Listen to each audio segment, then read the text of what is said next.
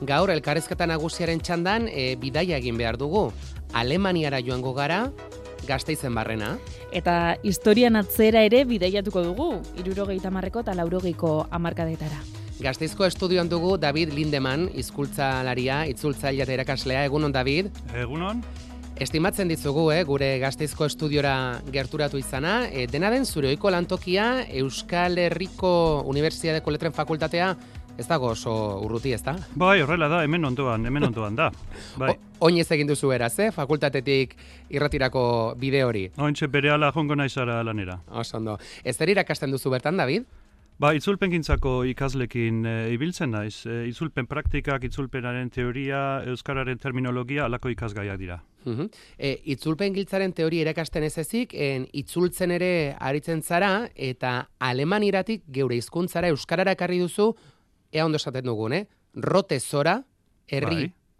gerrilla feminista piztiaren bihotzean. Eta neure burua zuzenduko duz, da rote zora, iri, iri gerrilla feminista piztiaren bihotzean. Mila bederatzen da erurogeita malau, mila bederatzen da larogeita mabost. E, onatxe liburuaren pasarte bat, garaiko soinu bandaz e, jantzia,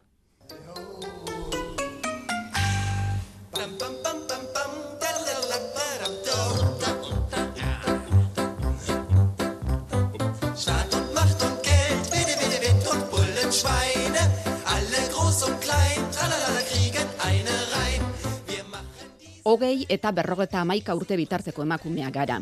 Batzuk lesbiana gara, beste batzuek mutilak maite ditugu. Supermerkatu iguingarri horietan egiten ditugu erosketak, etxe itxusietan bizi gara. Gogotsu joaten gara osteratxo bat egitera, edo zinemara, antzerkira, diskotekara, eta jaiak egiten ditugu. Ez erraz egiteare maite dugu.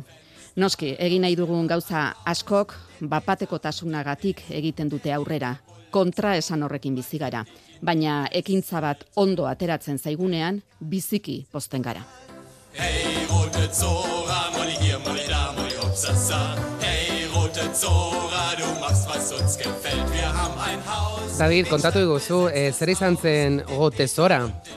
Bai, ba, rote Zora, eh, bat izan zen, eh, neskena, zelula iraultzailetik e, urten ziren zelula iraultzaile edo revoluzionieritzelen alemanez RZ sigla berdinak dituenak bai. ba, e, talde armatua izan zen eta e, rotezora neska taldeak ba, hortikan urten eta bere bidea e, hasi zuen. Uh -huh. e, RZ siglak mantendu, ma, mantentziarren ba, rotezora erabili, e, erabili dute iz, izenburu gisa hori personai literario bada aurrentzako liburu baten e, heroina edo.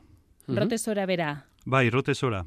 Mm e, rotezoraren e, taldearen historia laburtzen du e, zure lanak, militantei egindako elkarrezketa, ba, ekintza osteko komunikatuak eta kongresuetarako idatzitako txostenak batu dituzu, e, zeintzuk ziren rotazorakoen ideologiaren oinarriak?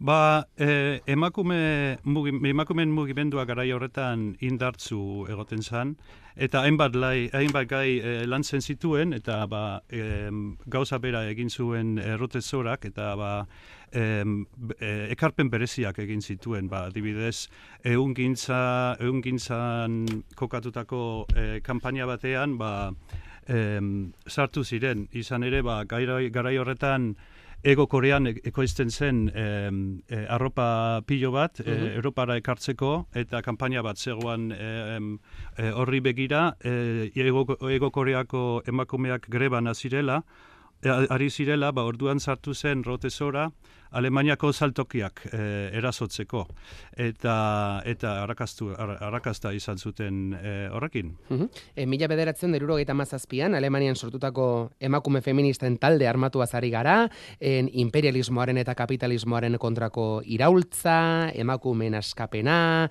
e, gorputzaren inguruko esperimentazioa, sexu askatasuna, abortatzeko eskubidea, en, talde honen posizio asko ez dute bat ere gaurkotasunik galdu. Bai, nire ustez horrela da, bai. Mhm. En garai hartan en iraultza haizeak zeuden, en Europan ez ezik munduko beste amaika bazterretan ere, e, baina rotezoraren moduko dantzeko beste talderik izan altzen? Ba, Printzipioz, er, errotezora adibide on bada horretaz berbaitzeko izan ere ez da asko ezagutzen, ez? Garai horretako beste talde batzuk askoz ere ezagunak, eh, ezagunagoak direla, Alemaniak kasuan eh, Raf Bader Meinhof eta eh, talde hori ba, eh, egitura militar tradizional bat eh, zuena, eta errotezarako bezora bezalako taldeak ba, autonomoak ziren, mm. zelula txikietan eh, antolatzen ziren, eta inkluso ba, zelula batek bestearen berri eh, izan gabe. Eta ba, e, antoela, antola era hori ba, ez, ez dela hainbeste ezagutzen, ba, bai, ba, zeuan mugimendu autonomoa hainbat herrialdetan, e, Euskal Herrian ere bai, gara horretan. Eta zergatik uste duzu mugimendu hau gertatu zela Alemanian eta ez beste non bait? Zergaitik Alemanian eta beste non, ez beste non bait. Ba, errote zora, e, zorako kideak alemanak, e, alemanak direlako, ba, beste herrialdetan ere antzeko gauzak sortu ziren, garai hartan edo geroago, bereziki e, aditu berezia, berezia ere ez naiz horrena. Baina errote zoraren liburua edo haien testuak itzuli izan dira italieraz, e, frantzesez eta uh gazteleraz adibidez, eta hor bai ikusten zen alako oi hartzu nahiko handia, eta horregaitik ba em, erabaki dugu euskarara ekartzeko, mhm. ekartzea testu horiek. David, jakina da en gutxi gora beraz zenbat emakumek egin ote zuten bat e, rotezora mugimenduarekin? Ez, ez dago jakiteko modurik. Izan mm. ere, bi izen bakarrik dira ezagunak. Bai. Eh, haiek dira espetxeratu zituzten eh, emakume bien eh, izenak, eta beste izen guztiak ez daude. Ez mhm. dakigu zeintzuk izan ziren, eta ez da zenbat ere. Eta esate baterako ze egitura zuten, ze okarez baldin bagaude, egitura vertikal eh, militarrei bizkar ematen zieten? Bai, eh, gizonezkoen, eh, gizonezko figura militante makarra militar hoiek kritikatzen zituzten, eta nahi zituzten, proposatzen zituzten ba, antolatzeko eta ekintzak egiteko modu bat, non edo zeinek eh, parte, parte hartu altzuen, mm ekintza erraz imitatzekoak proposatzen zituzten kuaderno praktikoetan edo praktika kuadernoetan, Eta ba hori, ba, besti hiri batean bizi izan bazinen, eta errotezora marka eta haien irizpide sorta ba, guztoko izan bazenun, ba, beste zelula bat em, egitera em, animatzen eh, animatzen zituzten eh, errotezorak, ez? Eh, haien lelo nagusia da Frauen bildet banden, hori da emakumeek eh, zoritzazue ekintza taldeak. Hor, aipatu duzu hasieran eh, geborutuna gizelen eh, erakunde marxista autonomo armatuaren barruan sortu zutela errotezora taldea, eh, nolako harremana izan zuten emakume hauek? Eh, Talde mistoarekin? Bai, gizonekin batez ere, noski? Ba, ez, eh, bestia talde mistoa da, bai, eh, hainbat ekintza elkarrekin eh, burutu zituzten, eh, adibidez, eh, tren bilete faltzuak masiboki banatziarena, hori bien bi talderen mm. eh, ekintza bat izan zen, Alemaniako hiri askotan aliberean, eh, eta eta horrelakoak el, elkarrekin egin, egin zuten. Gero, hasierako eh, errotezoraren, hasierako ekintzatzat jotzen dena, hori da, eh, konstituzio ositegian ipini zuten lergailu bat abortuaren debekuaren kontra e, protestatzeko e, e, talde mistoaren ekintza izan zen. Emakum, mm talde mistoaren barruko emakumena. Mm esan dugu, talde armatua izan zela, rotestora, zein e, tipotako borroka egiten zuten, edo nolako ekintzak erasoak egiten zituzten? Rotezoraren zat, garantzitsua izan zen inorez e, zauritzea eta saltzen dute elkarrizketatan nola hainbat eta hainbat ekintza azkenean ezin e, zuten burutu e, ezin zutelako baztertu inor zauritzerik. Mhm. Eta ez dute ez, ez dute inoiz inor e, zauritu. Mm Guztira zenbat hori ekintza edo egin zituzten? Ba, e, hor e, ez dakitzer zenbatzen duzun ekintza moduan. E, poliziaren arabera e, berreun baino gehiago, baina ekintza armatutzat e, jo daitekena ba, berrogeita boz bat. E, polizia batu duzu, e, agintarien partetik nolako erantzuna jaso zuten? Ba, bai, em, em, Pentsatzen dugu ez, ez zela xamurra izango, errepresiora egongo zela? Bai, horrela da. E, azki ezaguna da, e, haien kontrako kanpaina bat e, gaiuena. Ez? Ah. E, haiek iratzael gaiu bat, e, batzuk erabiltzen zituzten temporizadore moduan, eta polizia, polizia joan zan Alemaniako denda guztietara e, iratzael gaiu mota berezi hori saltzen e, zela, eta e, erosi zituen, e, zituen danak e, markatu eta dendetara voltatu, gero dendetan e, bideokamarak jartzen zituzten, eta e, dendariari esan, esan, esaten zioten emakume bat sortz, ezartzen badaten dara ailako iratzal gehiago bat erostera, ba, grabatu eta poliziari deitu. Eta horrekin e, arrakasta izan zuten, eta e, iratzalgailu bat e, erosi zuen emakume bat e, espetxaratu al izan zuten. Baina, Mm. em, simpatiak ere baziren, eta horren adierazle garbia da, ba, e, polizia baten em, e, neskalagunak, em, entzun zuen zer plan e, zuten eta abisatu zuen e, aldizkari feminista e, baten errex, er, redakzioan em, rotezoraren bila ari zirela eta hainbat e, lagun erbesteratu egin ziren, bere ala. E, lehen esan duzu, orokorrean nahiko ez ezaguna edo dela e, rote estoraren kontu hau, baina Alemaniarrek e, gogoan dute e, memoria kolektiboan badulekurik rotestorak? E, bai, bueno, e, betxu, e, oentzen liburua orkestu dugula e, dokumental bat ere aurkeztu dugu, Bai. e, haren e, egile bat e, Alemaniatik ekarriz, eta harek e, azaldu zigun nola alako utzune bat e, igartzen den el, azkenengo hogei urtetan gitxiago e, hitz egiten da rotezoraren inguruan, eta e, neska gazteagoek e, ez dute hainbeste ezagutzen, eta orain dokumentala eta liburu berriekin, izan ere Alemanian ere argitalpen berriak daude, Mhm. ba ikusten da e, interesa bai e, piztu egiten dela e, neska gazteen ere. David, entzuteko moduan gara dokumentalaren pasarte bat, ea?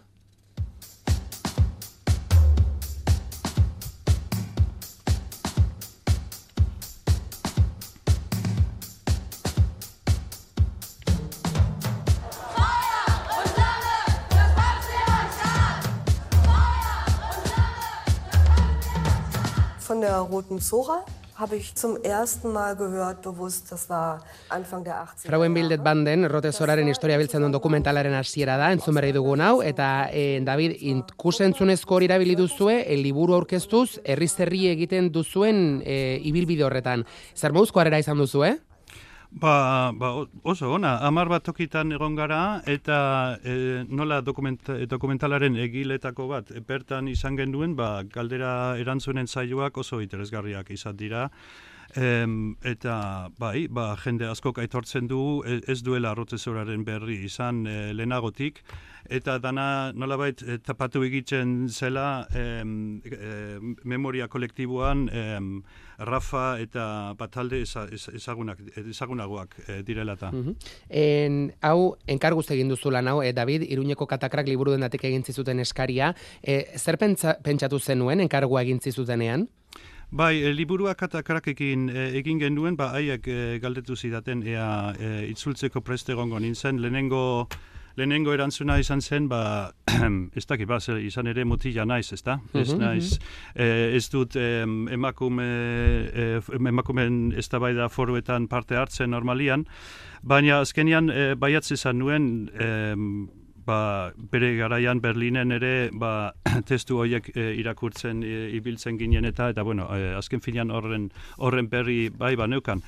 Gero e, dokumentalaren bira e, Bilboko e, Baskale izeneko el, elkarte kulturalarekin batera antolatu dugu. Mhm. Beraz, e, hori, gizonezko izateak hasiera batean, bueno, zalantzak eh, eragin zizkizunez, liburu hau e, itzultzerako orduan, baina izan duzu, ez, emakumeren baten laguntza, Bai, bai, e, horrela da, bai, e, itzultzeko, itzulpena egiteren meritua ez da nirea bakarrik, bi lagunek e, lagundu zidaten, eta hoietako bat e, neska da, eta e, hemengo foruetan ibiltzen da, eta badaki ze diskurso eta ze terminologia erabiltzen den. E, besta, beste aldetik, bai, e, kontuan hartu behar da, testu batzuk, ba, laurogei, e, ama, laurogei garren amarkadakoak dira, eta e, ba, garaiko terminologia erabili behar dela itzultzean, ez? Mhm. Eta, bueno, bai, pozik nau e, jasotako laguntzarekin. Aizu, David, e, bestelako galdera bat egin behar dizut, ea kafezale haute zaren? Bai, e, ontsa bertan hartu kafe bat. Eguneko zenbagarrena, lehen da bizikoa, bigarrena... Ba, bigarrena egisa esan, izan etxean da. bat, eta gero ona Bidera zuia da. Bai, Aritzara no, geure kafeteroa egunon. Kafe ordua heldu zaigu eta entzun duzu, eh? Rotezora talderen inguruan liburua en itzuli, kaleratu eta elkarrizketatu eh, dugula, eh, David Lindeman. Eh, Aritz, ze kafe eh, prestatuko zenioke, ze iradoki dizu elkarrizketa honek?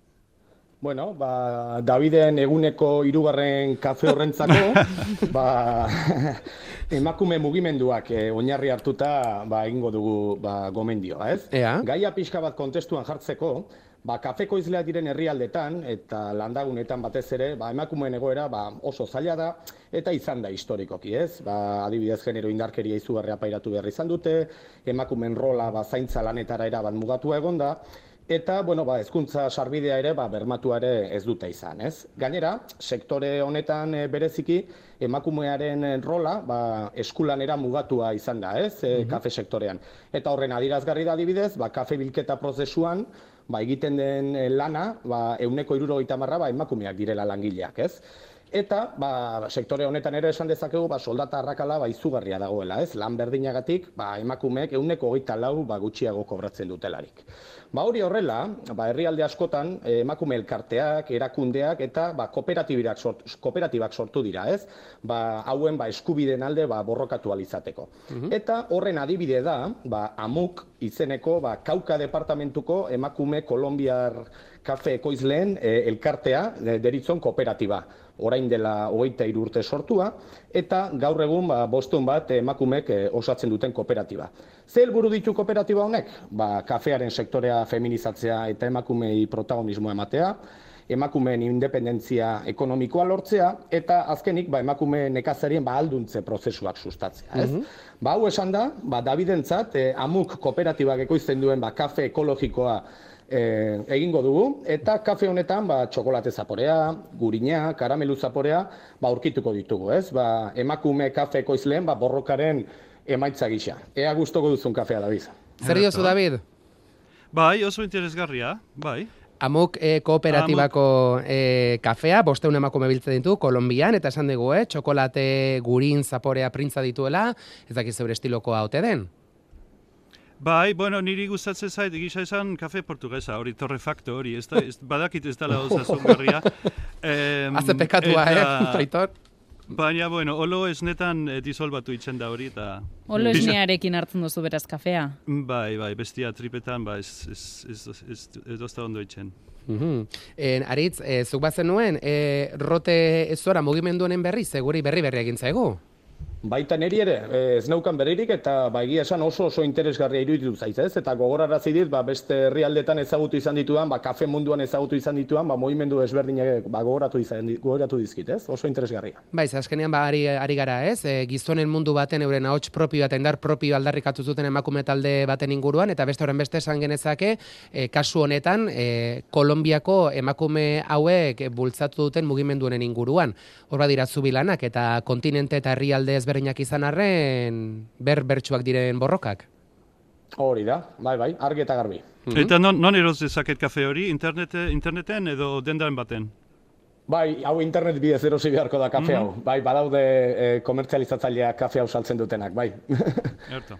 Ba, kafe horren bueltan irakur dezakegu, eh? E, rote e, zorari eskenitako liburu hau, e, en David Lindemanek egineko iltzulbenarekin. David, unotan, en unibertsitatean e, zaude irakasle lanetan, en unibertsitatean hasi eta orain irakasle lanetan zaude. En, nola ikusten duzu unibertsitateko gazteriaren e, bilakaera, gainera orain rote zoraren mugimendu barru barrutik ezagutzen duzun honetan, zertan aldatu da e, gazte horiek politikarekiko duten harreman adibidez? Bai, ba, e, liburu, liburu honen erruz ez dakit e, o- aldatu den e, ja da, baina bai ikusten dut e, azken, bueno, e, oin dela amabost, amar bat urte alako berakada bat e, egon zen, ez, gazteen politizazioan, e, niri ustez behintzat, eta horri buelta ematen, e, buelta ematen ari, ari dira, e, uste dut nik, e, orain mugimendu gehiago ikusten da. Mhm. Ba, David Lindemane, itzulpen gintza irakaslea eta rote zora liburuaren itzultzailea, eskerrik asko bizitagatik, eskerrik asko Euskadi irratira etortzeagatik eta eta ondo izan. Bai, zuei, agur.